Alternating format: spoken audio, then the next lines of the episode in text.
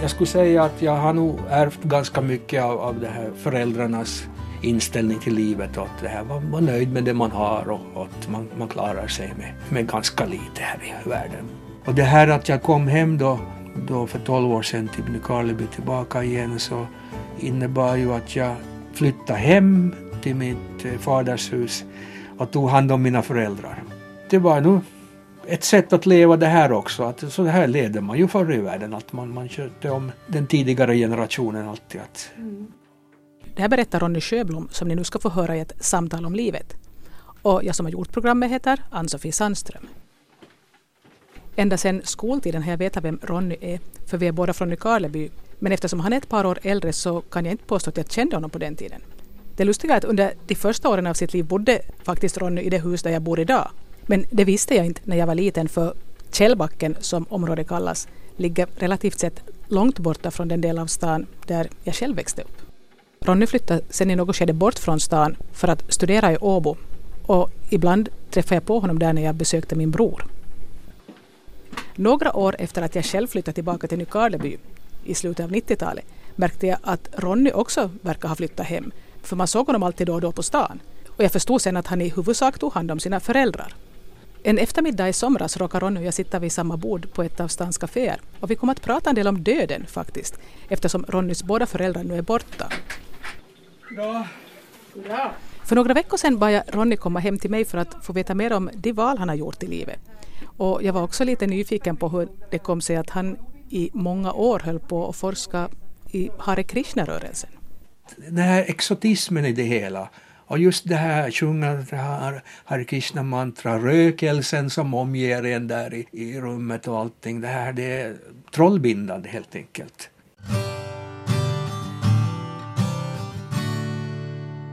Ja, men vi börjar på. Ja, då, här, vi kan så... ju provgöra här. ja, jag heter Ronny Sjöblom och jag är 56 år gammal från Nykarleby. Jag har bott i Nykarleby i nästan hela mitt liv förutom då 20 år när jag var i Åbo. Och det här, jag råkar vara född i det här huset som vi gör den här intervjun där Ann-Sofie bor nu för tiden. Så att det, det är som att komma hem på nytt igen till, till sitt barndomshem när man sitter här i det här köket. Ni hade bara den här nedre våningen då? Vi hade bara den här nedre våningen och pappa var fotograf. Så det här, vi hade hans fotoateljé och ska vi säga fotoaffären fanns här nere i det här vårt vardagsrum. Jag förstår inte när man ser det här huset nu att hur vi kunde, vi kunde ha det på det här sättet. Så, så ni, sov ni allihopa där, det här som är vardagsrummet nu då? Ja, vi gjorde det ja. Och sen kom nu folk här med sina fotoärenden och... Så vilket år köpte ni det här huset? 1956 eh, köptes det här huset och så det fanns ett eh, litet rum där som var, som han satt då jag hade som kontor tillika och sen längst bort i det andra hörnet så fanns det det mörkrummet. Så det framkallade Svartkammaren som vi sa. Ja. Svartkammaren. Ja. Ronny är enda barnet men jag har förstått att det på 50 och 60-talet fanns ganska mycket barn som bodde på Källbacken. Man lekte lite över de här åldersgränserna för det var ganska blandade åldrar här som lekte tillsammans nu. Alltså det var, ibland så fick man ju vara med de där stora pojkarna ibland så fick man inte vara med beroende på vad de gjorde men att nu hängde man ju alltid med som, som liten kille så hängde man med. Sen Sen igen när jag blev lite äldre och så där så började jag kanske leka mera med småpojkarna igen när jag tyckte att kanske de där stora pojkarna blev lite för det var sådana lekar som jag inte ville vara med i. Vilka var jämnåriga med Var, var Henka jämnårig med dig? Ja, han, var, han är bara några dygn äldre än jag. Ja, han är. Och Henka, det är Henrik Bertlin som också kommer att nämnas senare i programmet.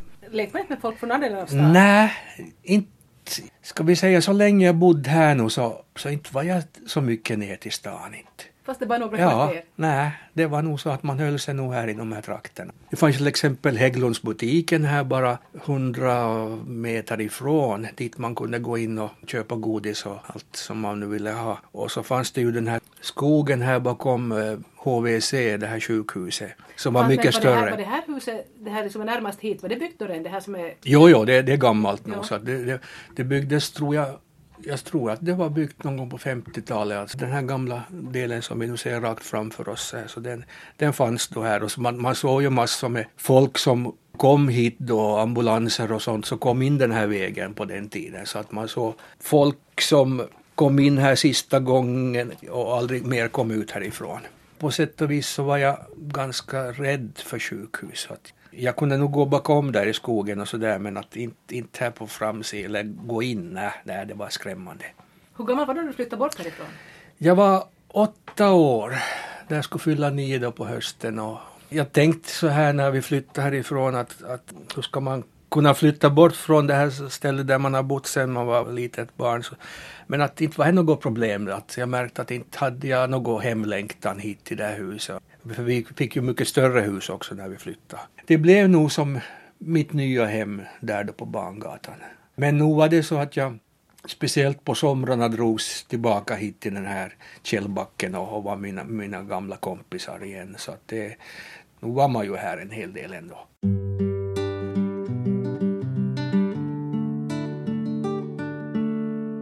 Ronny nämnde här tidigare att pappan var fotograf. Och jag undrar ifall Ronny vet varför han råkade välja just det yrket? Det har nog att göra med det här att han var yngst av sju syskon och det här, han hade då en, en bror som tog hand om, om hemmanet. Så att det blev nog ingenting kvar åt, åt pappa då som var yngst. Och sen när han var i armén då i samband med kriget så fick han lunginflammation och sen blev det då till, till det här lungsot som det hette. Så att de tog bort ena lungan på honom och han var tillbringade många år då på Östanlids sanatorium i Jakobstad och det här. Så det var inte något som återvände för honom till något jordbruk eller något tyngre jobb. Så kom han då fram till att det här, det här fotografi, fotografering, det ska han syssla med. Så han var nog en sån självlärd människa som, som började på med det här. Va, vad gjorde din mamma då? No, hon hjälpte nog till med, med att ta, ta emot kunder och, och sköta om så att de fick sina filmrullar och eh, sådär och, och sålde filmrullar. Så att hon var hemmafru, tog hand om, om mig, om, om pappa och om företaget sådär. Så det, det var nog inte alls tänkt att hon skulle få ut och arbeta. De träffades ju på sanatorium då först så att eh, de hade ju långsot båda två. Att mamma var ju bara 14 år när hon drabbades. Det var nog så att, att skolgången blev eh, på hälften. då sen. Själv hade hon drömmar på att, att bli sjuksköterska.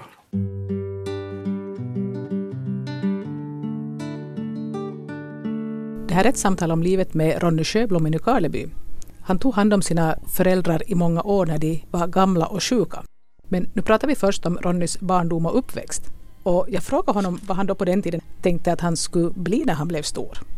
Det var ju nog mera högtflygande drömmar. Det var ju månfärder och sånt på den tiden som var aktuellt så att man, man tänkte ju i de banorna eller åtminstone att bli flygare. Men jag vet nog inte riktigt, det, det blev nog ingenting av det sen när man blev äldre utan när man då började inse att man måste gå många, många år i skolan för att kunna bli det som man skulle, hade tänkt bli så att då blev det kanske lite annorlunda. Så att när jag då gick i skolan så tog jag nog ett år i gången att jag, jag visste nog inte egentligen vad jag skulle bli. Och, så att då när jag gick ut motsvarande nian för tiden så tänkte jag att det är nog väl lika bra jag fortsätter i gymnasiet eftersom jag inte vet vad jag vill bli. Så. Har du lätt i skolan då? Nej, inte, inte skulle jag säga att jag hade det. Inte. Och... Vilka ämnen tyckte du om?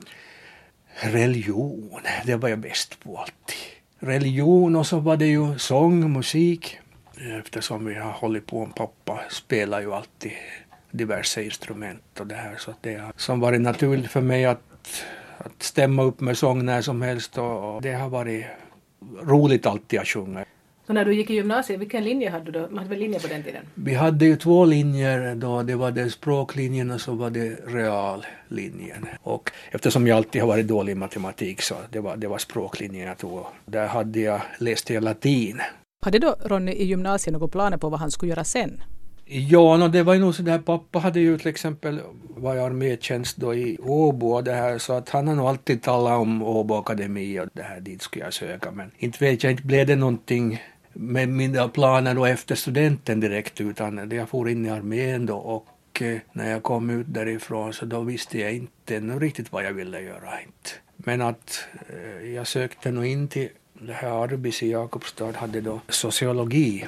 Jag har för mig att det var ganska nytt på den tiden i slutet av 70-talet att man kunde läsa akademiska vitsord på olika arbetarinstitut. Och det här var någonting som passade Ronny just då så efter att ha läst apro i sociologi så tog han också året därefter psykologi och nationalekonomi. Så att jag hade då, då våren 1980 så då hade jag tre approbator utan att ha, alls ha varit på någon studieort på egen hand. hemma då, jag alltså? bodde hemma, ja. ja. Jag bodde hemma hos mina föräldrar då. Så att då var det dags att söka till, till Åbo Akademi då följande höst eller följande vår. Så att då kom jag in då på hösten 1980. Jag var ju 23 år då faktiskt när jag började studera. Och det var kanske ganska bra också att ha det här, den här grunden att man har fått pröva på att se om man, om man klarar av akademiska studier. För det var det också det som jag var lite rädd för att, att, att ska jag nu klara av det här? För jag var ju ingen toppstudent eller hade något speciellt bra betyg. Att klara, kommer jag att klara av det här? Men när jag nu hade tre ämnen då redan så där så tänkte jag att ja, nej men. Men det var inget av de här ämnena, varken nationalekonomi eller psykologi eller, eller sociologi som jag då började studera utan det var religionsvetenskap som, som var mitt huvudämne då. Och, Hur blev det just det? Nå, det var, Du sa du tyckte om religion i skolan. det gjorde jag och det var faktiskt det enda som jag kom in på när jag sökte. Och så sen fick jag också, slapp jag in också till teologiska fakulteten. Så jag var lite sådär i valet och kvalet också den där sommaren 1980 att ska jag bli präst eller, eller ska jag börja studera teologi överhuvudtaget. Men så kom jag fram till att nej det ska jag inte. Men jag, sen när jag kom till Åbo så började jag en kurs då allmän teologi så att jag då skulle få alla de här disciplinerna inom teologin då. Jag hade ju tänkt sådär att jag skulle bli religionslärare men jag, jag kom till att jag inte passar som lärare riktigt. Jag inte, har inte tålamodet och Har du provat på någon som lärare? Ja, alltså jag har ju föreläst vid Åbo Akademi Ja. annars i religionsvetenskap. Men jag har inte tyckt om det heller inte.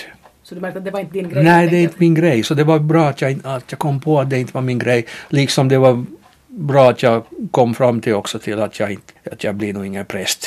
För att jag, jag tror inte att... Man måste nog ha den övertygelsen också. Att, att det måste komma från hjärtat. Då måste man ha, ha personlig tro. Vilket jag inte kan säga att jag har inte. Nu ska ta lite mer så att Mm. vi- får värma här. Ska jag fylla i med kaffe åt dig? Ja, det blir bara kallt. Jag vet. Men det är bra, det är bra styrkor i. Jag dricker näskaffe annars med det mesta. Eller ganska starkt i. Ja, ja. Men du trivdes bra i Åbo alltså? Mm, Ja, no, jag. Åtminstone var du länge. Ja, jag var ju länge. Jag var faktiskt från 80 till 2001. Ja, det var fria studier på den tiden. Kanske lite för fria studier. Att det var ju inte något tvång heller på att försöka bli fort klar utan man fick nog ta det i sin egen takt. Och. Men sen började jag ju också spela teater i studentteatern. Det hade nog gått några år då in i de här studierna som började med teater mitt i allt. Jag som var så blyg och tänkte att jag passar inte att stå framför några människor och bara någon lärare och alla ska titta på mig. Men att det var inga problem sen när jag konstaterade att nu går jag in i en annan roll här. Jag kan spela den här personen i den här pjäsen. Att nu är jag inte, nu är jag inte Ronny längre utan nu är jag just den här personen. Så då var det mycket enklare att, att våga agera inför publik.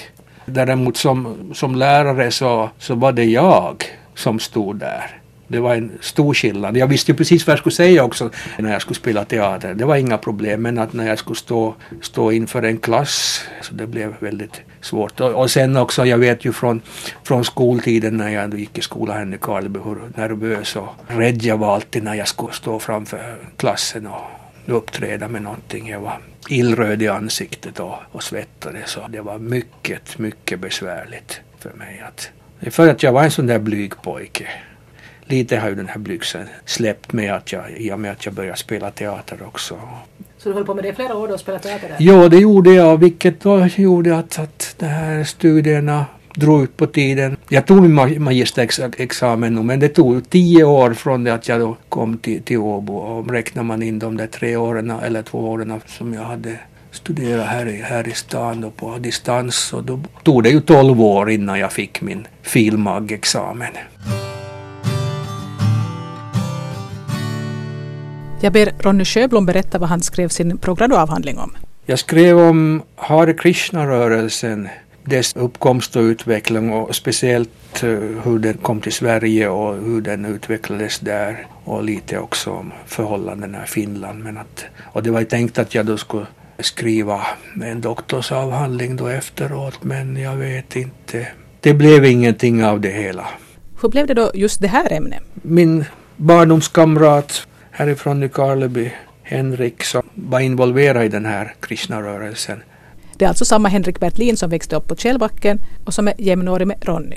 Eh, så ville jag som få reda på vad det var i, i den som, som lockade honom, den här filosofin och allt det här bakom det. Så att jag, jag började forska kring det här då. Jag var till, till Sverige då och träffade de här grundarna av rörelsen i Sverige och grävde allt djupare och djupare i det här och sen blev jag ganska påverkad av, av det jag då du upplevde. Nej, jag gick inte med men det var nog så där att de trodde nog säkert inom Krishna-rörelsen att jag, att jag nog är så där på vippen att komma med. Hade de rätt? Eh, Nej, nej, så då jag kämpar nog emot. Men att jag, jag blev nog fascinerad av, av den här rörelsen och den här ideologin. Och, Men berätta lite om det. Jag har aldrig- Det, ja. fanns, det fanns ju överallt då på 70-80-talet Ja. eller i Sverige. Man träffar ju ofta på dem. Man minns det här hur de, den här sången de sjöng och sånt. Och, och Böckerna de, som och, det här, jag gick ofta till deras någon restaurang i Ja. Stockholm också. Tyckte om den här maten deras. Men eh, vad står det egentligen för? man tillber ju då guden Krishna. Och Krishna anses ju då ha levt här på jorden då för 5000 år sedan. Och eh, man sjunger då ett mantra Hare Krishna, Hare Krishna, Krishna Krishna, Hare Hare, Hare Rama, Rama Rama. Och man sjunger det här medan man då läser på radbandet. Man har 108 kulor på ett radband då, som man läser varje det här bön. Och sen lever man ju väldigt asketiskt. Man äter inget kött. Man har det här att man inte ska bruka våld mot några levande varelser och eh, äta bara det som växtlivet ger. Och sen är det också det här att det är totalförbud mot, mot rusmedel och eh, sexuellt umgänge är också förbjudet. Och, Helt och hållet? eh, nå, inte helt och hållet, att man, man kan ju vara gift också men det är strängt reglerat då utan det här det är ju då bara sex då i barnalstringssyfte bara att, att man ska inte som ha någon egen njutning av utan Krishna ska få den här njutningen att det är honom man tjänar hela tiden. Man gör alltid till Krishnas ära. Det är Vad- många... Men du sa att det tilltalade dig lite det här. Vad var det som tilltalade dig i det här? Menar, du lite ändå kände dig dragen till det?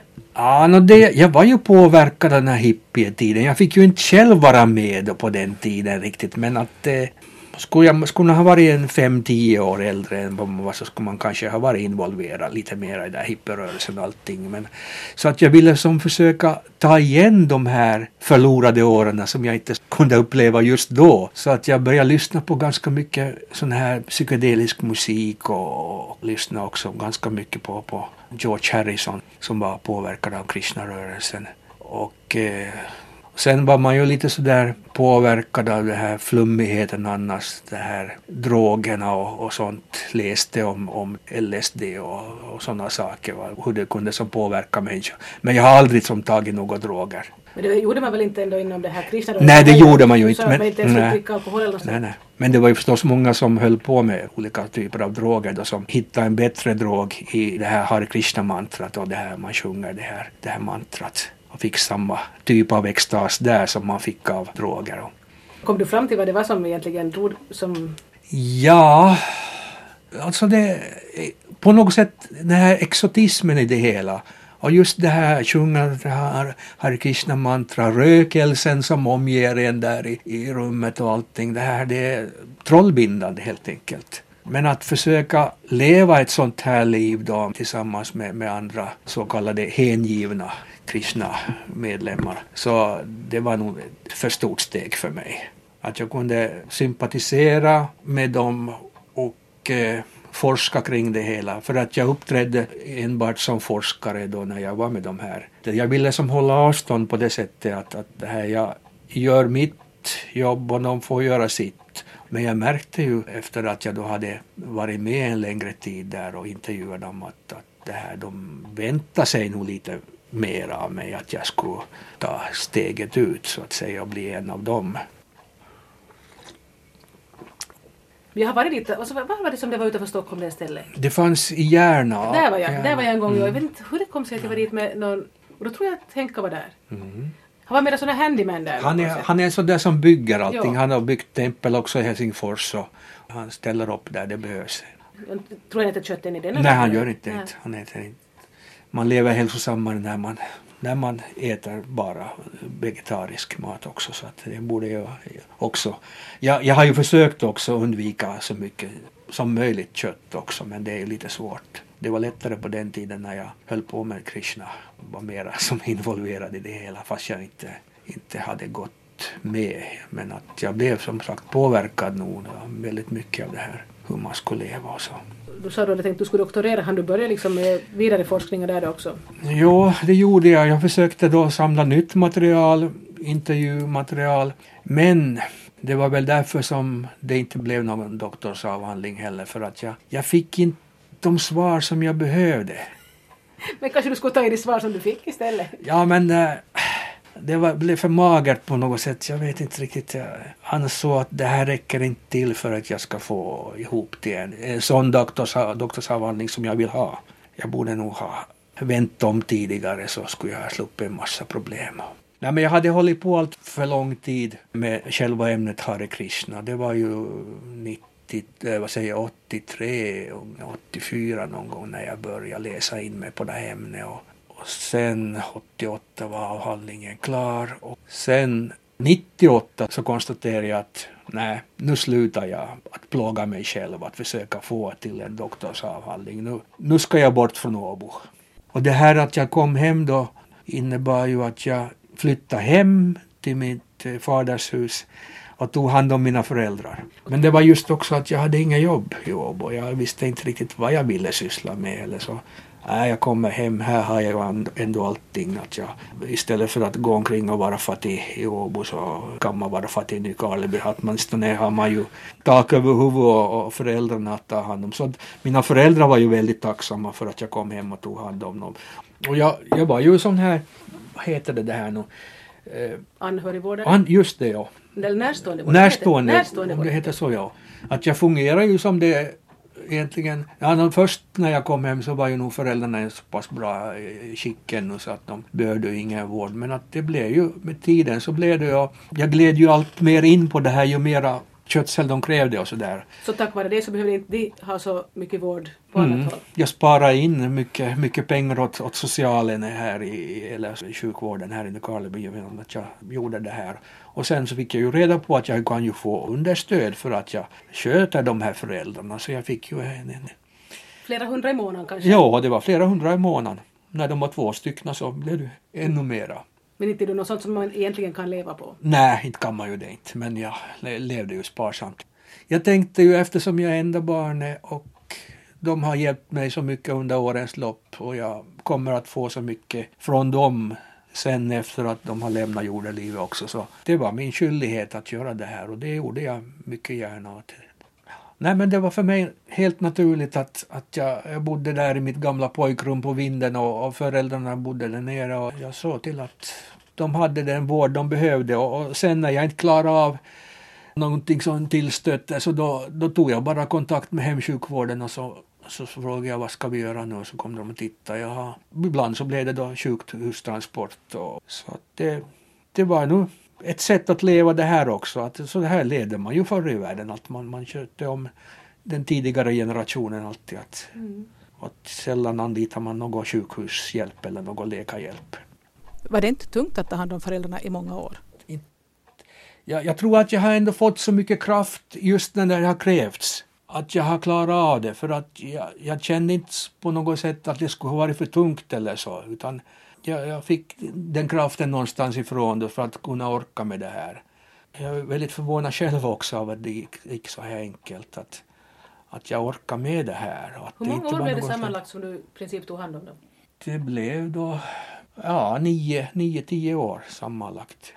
Och det blev trevliga år. Omväxlande var det. Men att i stort sett så jag, jag tycker på det sättet har, har jag gjort en stor gärning i livet när jag har tagit hand om mina föräldrar eftersom de har tagit hand om mig när jag var liten och, och hjälpt mig på alla sätt. Så att jag, jag har betalat tillbaka och jag har fått igen tusenfalt.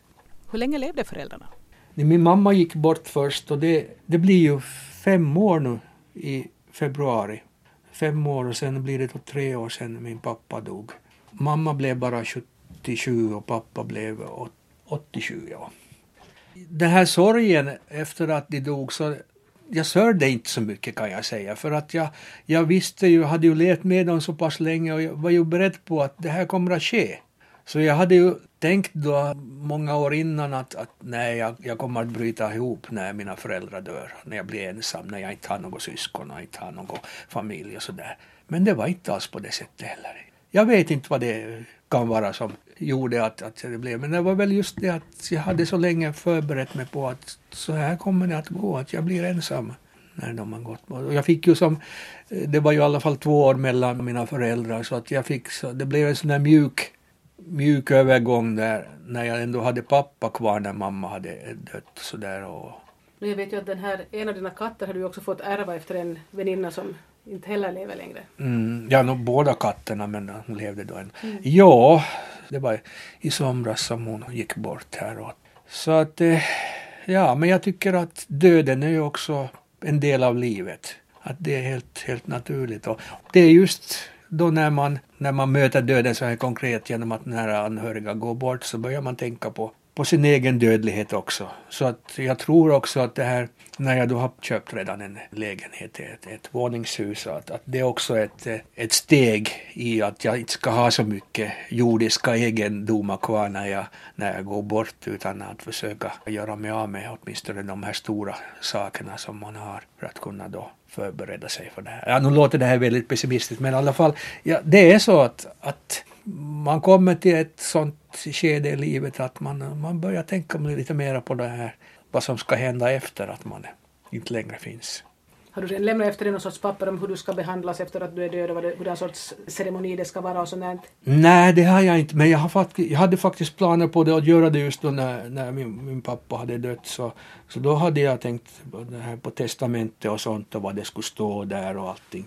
Men uh, det var en sån där övergående tid jag vill inte som riktigt tänka på sådana saker ännu men att det ligger ju förstås nog i, i mina tankar att jag borde göra någonting sånt här papper för, för framtiden så att de får se sen vad de ska göra med mig. Men, när du har tänkt så mycket på döden och hamnat och hantera flera olika mm. begravningar här på senare tid så är du rädd för döden? Nej, inte jag det inte. Men att det är ju, man skulle ju vilja ha lite, veta lite om hur det kommer att gå så här då strax innan man dör, det vill säga att, att kommer, jag, kommer jag att eh, få någon sjukdom och plågas länge innan jag dör eller kommer det att vara så här knalla, att man dör knallafall bara.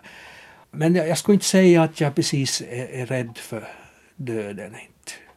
Du verkar i alla fall våga tänka på det. Jo, jag vågar tänka på det nog. Ja. Nej, men jag tycker det är helt naturligt. att Det, det som, som jag har tänkt på nu i efterhand, att jag, jag råkar inte vara närvarande med någon av mina föräldrars död. Jag var inte vid dödsbädden då just när de dog. Men att jag var timmarna före var jag där. Att det där har jag tänkt på att, att, att hur, hur hade det känts om jag hade varit med just då vid dödsögonblicket. Men jag, jag, tror att eftersom jag, eller jag tycker att eftersom jag ändå har skött om mina föräldrar så gott som in i det sista så, så har jag ändå kunnat säga farväl till dem fast jag inte var närvarande då just vid dödsögonblicket. Kanske det är därför som inte du heller har haft sådana hemskt svåra reaktioner av sorg för du har ändå på något sätt, du har vetat, det har inte varit som så stor överraskning.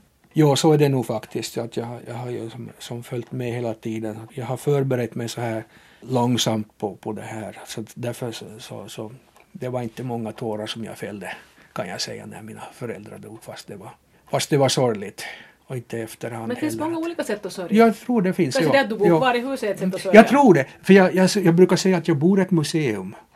Det är möblerat på i stort sett samma sätt som det var när mina föräldrar bodde där. Så att de finns kvar på något sätt ändå. Lever kvar i det här huset, mina föräldrar. Så att den dag jag flyttar ut från det här huset då, då skär jag bort den här bindningen till mina föräldrar skulle jag säga.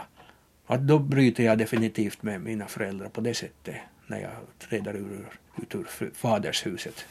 Så därför tror jag att det, det får ta sina år innan jag bestämmer mig för att flytta ut och, och det här med, med kissorna också, med hur jag gör med den biten. Att kan jag ta dem med dit när jag flyttar och så. Idag lever alltså Ronny Sjöblom ensam med två katter. Så jag frågade honom ifall det någon gång i hans liv hade känts viktigt att bilda familj. Nej, det har faktiskt inte Ja, nu var det ju tidigare, alltså man, man sådär som 15, 16, 17-åringar så då hade man ju inte tanke på att, att när man är 30 så då har man familj och barn och hus och, och villa. Men att eh, jag vet inte, åren gick och det blev inget inge parbildning och sådär. Och, och, Men bjöd du till något? Försökte du då? Ja, nog visst gjorde jag det. Men att eh, jag var väl lite för kritisk också. Det skulle vara den där perfekta direkt. När man försöker som väga för och nackdelarna.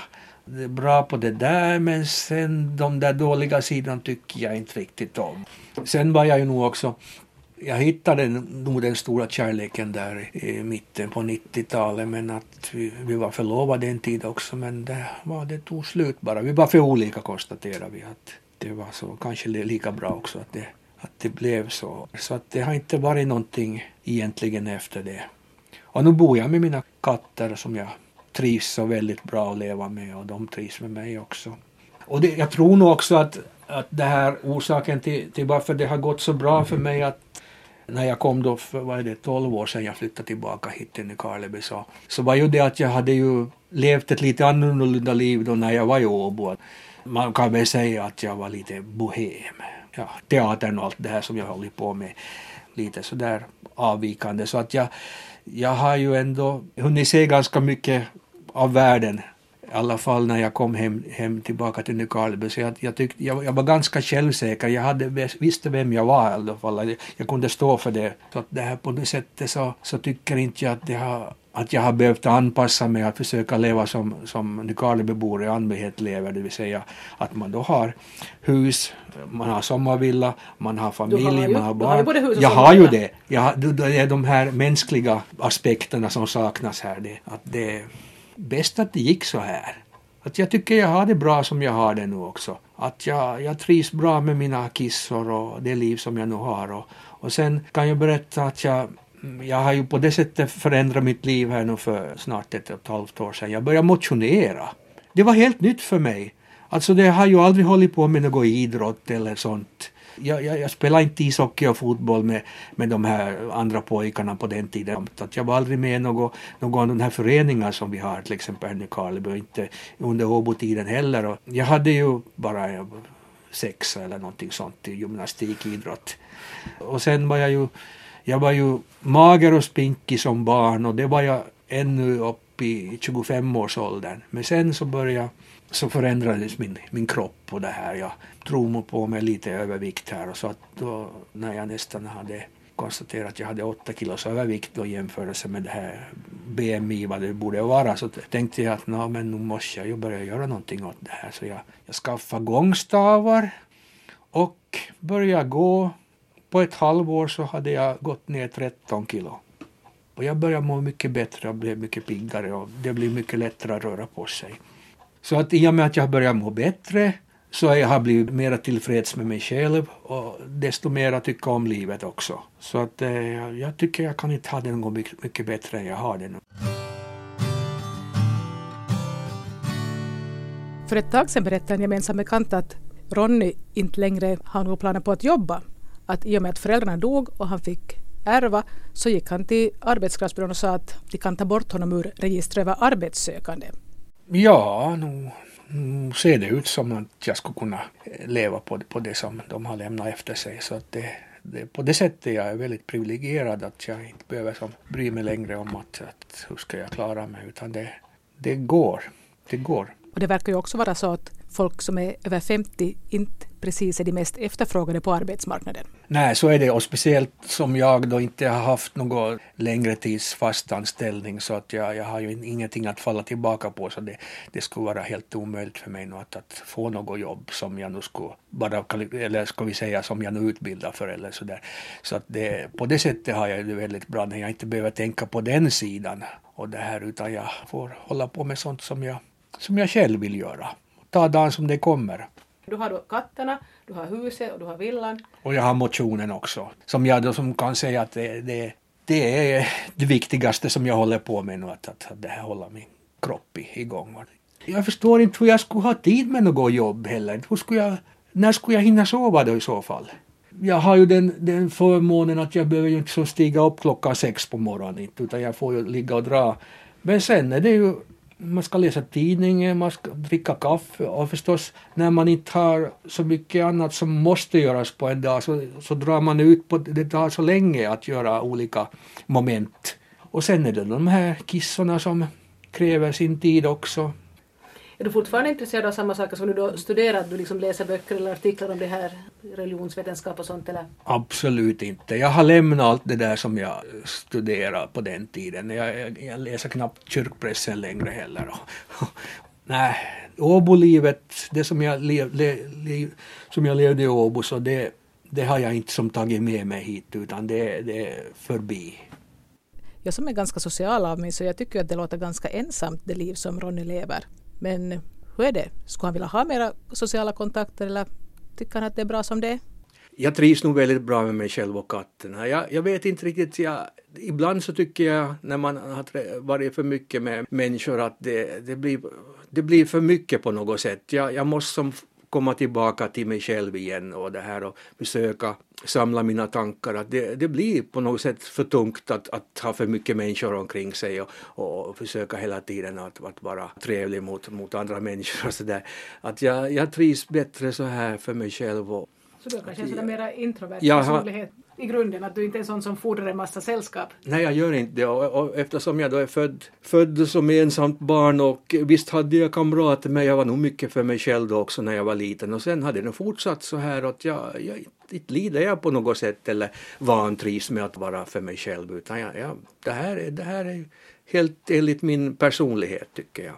Som om vi går tillbaka till det här med att bilda familj och sånt. Att jag, jag vet inte om, om jag nu skulle ha varit lika lycklig i dagens läge om jag nu har haft familj och allt sånt där som, som man förväntas ha. Utan jag är väldigt nöjd med mitt liv när jag nu ser tillbaka. Hur uppfattar dina föräldrar det liv du valde? Att du valde att fara och studera, att du liksom då levde ett sånt, som du sa, ganska bohemiskt liv där i Åbo, att du inte stannade här i trakten och gav den barnbarn? Eh, ja, no, barnbarn ville de ju nog ha, det har, har de ju nog sagt flera gånger att det skulle ha varit. Men att de insåg väl att det hjälper inte att tjata på mig. Att det här pappa uppmuntrade ju mig att, att fara till Åbo och börja studera, det gjorde han. Och det, de tyckte väl att det kanske var bra för mig att få, få komma bort härifrån för att de, de hade ju nog som planer på att jag då skulle skaffa mig ett yrke, komma hem och bli lärare här i stan. Det var, det var deras, det var, det var deras dröm. dröm ja. För du trivdes inte som lärare? Nej, det var just det, så att därför blir det inte någonting av det, de planerna. Ja. Men vad vill du nu då, Frissi Frissi? Ja, du vill ut. Ska du ha mat? Nej. Mm. Vi har suttit länge vid köksbordet och pratat och borde kanske börja avrunda så att Ronny får gå ut på sin dagliga promenad med sina gångstavar. Men jag skulle ännu vilja veta vilka omständigheter Ronny anser att ha gjort honom till den person han är idag? Det där var nog en svår fråga. Du var ensamt barn, kanske det har varit, haft en inverkan på något sätt att du var enda barnet? Det kan nog vara, vara faktiskt. Och sen också kanske framförallt min mors sjukdom också eh, eftersom hon blev schizofren då redan när jag var tre år gammal. Så, så det här, de här perioderna då när mamma har varit sämre så har nog ganska långt präglat mitt liv också tror jag. Jag förstod nog inte så mycket om det men jag märkte ju alltid när det var dags då att, att, att fara in. Hur för henne att fara in. No, hon blev nog som en helt annan människa och jag var nog rädd för det här faktiskt. Det var ju sen en, en lättnad då när hon fick komma in då på, på som det var på den tiden, Ropanäs sjukhus. Och, eh, det var väldigt tungt innan hon fick den här vården då, så att, eh, de där dagarna innan hon blev intagen. Men sen så, så lättade det och så kom det hem igen ungefär samma människa som man var van vid. Så hon var långa perioder liksom sig själv däremellan? Ja, det var, det var nog faktiskt så att hon var, nog, hon var ju nog mer tack vare mediciner som, som hon fick då så klarade hon sig att, att, att, att det inte bröt ut den här sjukdomen. Gick du och var liksom ängslig och rädd att det skulle hända igen då när du visste att det kunde hända? Ja, det gjorde jag nog faktiskt. Jag, man lärde sig att tyda de här tecknen att är det någonting nu på gång igen eller vad, vad är det? Och så fick man då bekräftat att så är det nog då. Hur kunde din pappa ta det då? Var han bra på att... Han var inte så riktigt bra på att ta det. Sen, sen var det när hon blev då, när jag blev äldre då och det kom de här, de här sämre perioderna så var det nog jag som fick ta hand om det kan jag säga. Att han ville som inte befatta sig med det hela utan man kan ju säga på det sättet att man att jag blev som en förälder åt min förälder de gångerna. Hur gammal var du själv då? Ja, det var väl nog kanske där i, i tidiga tonåren kanske redan. Är du rädd? Ja. Var det en orsak att du stannade liksom så nära hemmet och studerade här då i början? Absolut, ja den har nog varit hela tiden faktiskt. Att jag har ju varit under tiden i Åbo så nog försökte jag komma hem så ofta som möjligt då för att då, då vara nära mamma som hon inte skulle som känna allt för stor saknad då eftersom jag nog var enda barnet och jag vet att, att jag har betytt väldigt mycket för, för mina föräldrar, speciellt då för mamma. Så, att, så det var nog det också en mycket stor orsak till att jag kom hem då för 12 år sedan helt och hållet in i Karleby när, när de bägge föräldrarna var dåliga. Men då vi pratade om det här tidigare så det du i alla fall förstår att du gjorde det hemskt gärna, att det kändes inte som någon större uppoffring? Nej, det gjorde det inte faktiskt. Ja, det var helt naturligt för mig på det sättet att jag tyckte jag har fått så mycket av mina föräldrar så jag skulle ge tillbaka sen också när jag hade möjlighet att, att göra det. Så att om det nu var av kärlek eller om det var av annat så det kan jag inte säga. Det var nog, och att jag ville vara här i stan också, det var ju nog mycket det. Du trivs här? Jag trivs här också, ja. ja. Ännu om det här med mammans schizofreni. Jag minns själv vad det var på 60 och 70-talet att man inte riktigt pratade om folk som hade mentala problem utan det verkar vara någonting som man skämdes över. Att man hade någon släkting som inte mådde bra psykiskt. Var det så också i Ronnys familj? Vi höll nog det för oss själva i familjen. Att, att, att inte var det någonting som man som ville, ville prata om. Och inte, inte fast mina vänner och släktingar och sådär visste om det så att nej, inte var det någonting som man egentligen pratade om. För det var nog en skamlig sjukdom i alla fall. Och jag tror att kanske av hänsyn till vår familj också så ville inte släktingar så mycket prata om det utan det var när mamma var frisk så var hon frisk och då var allting bra men när hon var sjuk då så, så var det så. Jag menar du att dina kompisar nog märkte hur det var fatt med din mamma men att ni ändå inte pratade om det? Jag minns faktiskt inte, eller så är det så att jag har förträngt den här saken men jag, jag tycker inte att jag skulle äh, minnas att det skulle ha varit så att vi skulle, de skulle ha frågat mig eller vi skulle ha pratat om det här alls. Så när hon höll på och fick något, liksom blev sjukare, det märktes inte på henne så tydligt att dina kompisar skulle ha noterat? Liksom? Nej, nej, nej, det gjorde det inte. Och, och, kanske om det nu någon gång skulle ha varit någonting sådär som skulle ha tytt på det här så då försökte jag som bara kyla över det på något sätt bara att nu, nu, nu gör vi något annat eller så att det inte skulle komma ut det här att det, det var någonting på tok. Upplever du nu liksom att det kan ha påverkat hur du blev som människa sen? Jag tror nog det för att jag är lite sådär att jag försöker sträva efter fullständig normalitet. Alltså allt, allt sånt här avvikande beteende och allt som ska hållas på avstånd. Att jag på något sätt så, så vill jag att allting ska vara så normalt som möjligt. Vad tror du skulle ha hänt om du skulle kasta dig rakt in i något sådant som då enligt ditt sätt att se skulle varit onormalt? Du skulle ha flippat ur någon gång. Vad skulle ha hänt då? Ja, ja, jag vet inte riktigt. Jag vet inte om jag skulle ha kunnat stå emot eller om jag skulle ha blivit fast i det hela. Det, det är svårt att säga eftersom jag inte har vågat ta det där steget någon gång. Inte. När du hade sett hur din mamma mådde, var du rädd för att om du liksom släpper på kontrollen så skulle du kunna dras in i något liknande? Ja, det tror jag faktiskt ligger någonting i. Att jag, jag tror det. Att, att, jag har varit lite rädd faktiskt för att släppa den här kontrollen. Det är nog faktiskt den här kontrollmekanismen som har hållit mig, tror jag, på det här, på det här sättet. Att jag har, som, jag har inte som vågat ta, ta steg, steget fullt ut och i någonting okänt utan jag har velat, velat ha kontroll hela tiden över situationen. Och, och alltid så här när jag då tycker att nu har jag inte kontroll över situationen så då har jag som lämnat alltihopa bara att jag, jag, jag har inte kunnat fortsätta på den vägen utan jag, jag har måste eh, bryta med, med de människor då som har försökt leda in mig på, på andra vägar. Då. Och det här gått, gått den här min vanliga kontrollerade väg. Innan jag stänger av inspelningsapparaten så frågar jag nu Ronny ifall det är någonting han skulle vilja säga som han ännu inte har fått sagt. Ja, det där borde jag ha tänkt ut på förhand. Inte behöver du tänka efter så noga, du säger bara vad du tycker. Jo, när man har fem, fyllt 50 så, så tycker jag man som har rätt att bestämma själv över sitt liv vad man vill göra. Att man ska inte som lyssna på andra så mycket utan man gör det som man själv vill göra och man lämnar allt sånt som man tycker är, är tråkigt och sånt som andra tycker att man borde göra. Man, man bestämmer själv över sitt liv och då mår man allra bäst. Du har hört ett samtal om livet med Ronny Sjöblom i Nykarleby och mitt namn är Ann-Sofie Sandström.